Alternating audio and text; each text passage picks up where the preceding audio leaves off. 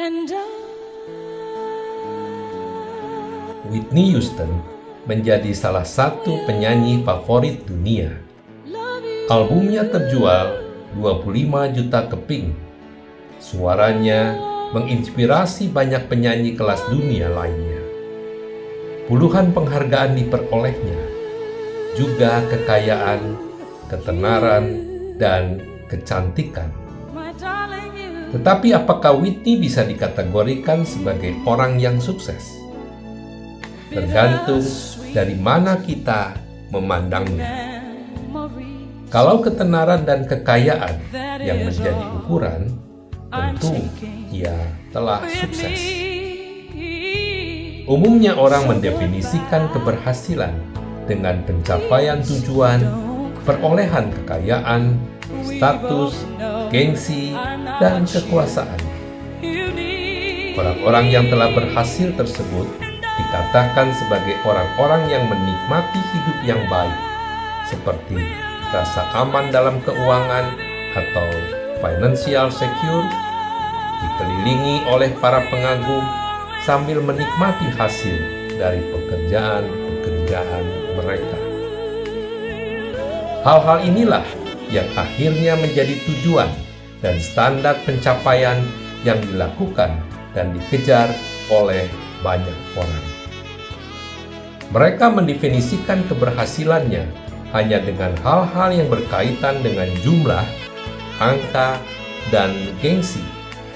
Bahkan tidak dapat disangkal kehidupan orang percaya, termasuk gereja-gereja secara umum, hari-hari ini banyak yang mendefinisikan keberhasilan mereka dengan standar pencapaian yang sama dengan standar umum, yaitu berapa besar angka, berapa jumlah, berapa rupiah, dan berapa tenar.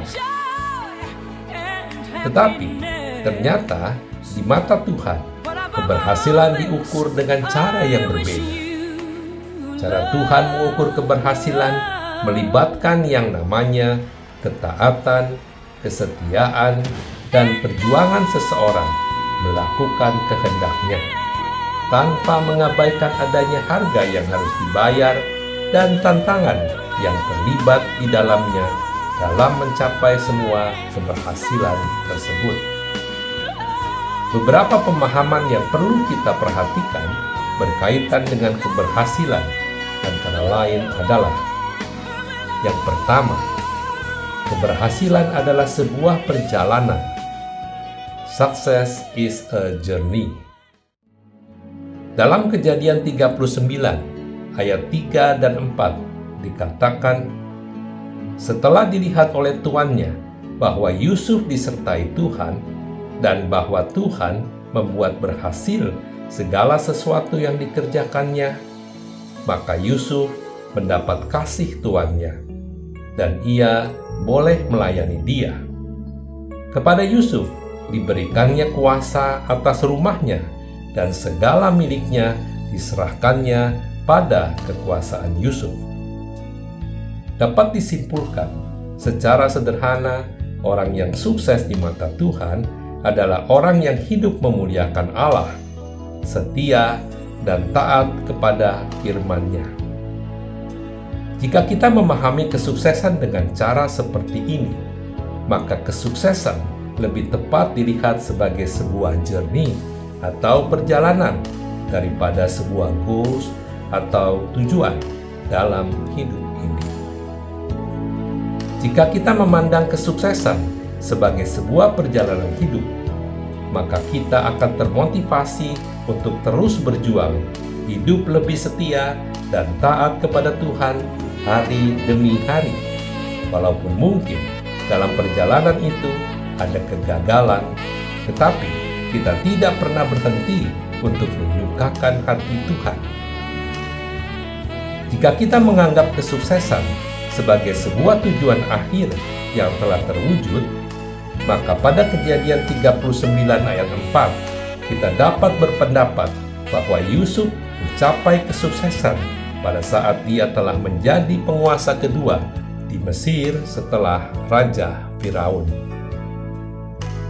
Yang kedua, Keberhasilan adalah tentang kesetiaan. Success is about faithfulness.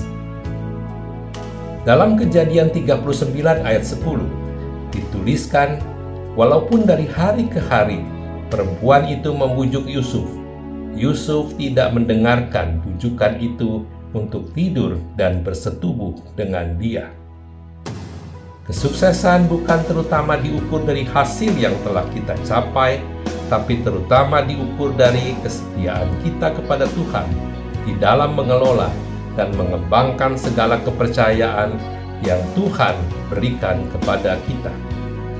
Setia dan taat kepada Tuhan bukan berarti kita pasif dan pasrah dengan segala keadaan dalam hidup ini, tetapi justru aktif berusaha sebaik-baiknya untuk menyelaraskan agenda hidup kita sesuai dengan agenda Tuhan. Tidaklah mudah bagi Yusuf yang saat itu sedang dalam posisinya sebagai hamba di rumah Potifar untuk tidak menghiraukan bujuk rayu dari istri Potifar yang tidak lain adalah istri tuannya sendiri. Bukan sekali dua kali istri Potifar membujuknya untuk tidur, namun kesetiaan Yusuf kepada Allahnya lah yang membuat ia berani berkata tidak terhadap istri majikannya itu. Di mata Tuhan, Yusuf adalah seorang yang berhasil di dalam Tuhan. Saudara, akhirnya kita mendapat sebuah makna yang sesungguhnya tentang sukses atau keberhasilan menurut pandangan Tuhan. Keberhasilan menurut dunia bersifat sementara, tetapi keberhasilan menurut Tuhan bernilai kekal. Tuhan memberikan keberhasilan bagi kita supaya digunakan untuk memenuhi tujuan Tuhan dalam hidup kita sesuai rencananya. Selamat menjalani keberhasilan bersama Tuhan. Amin.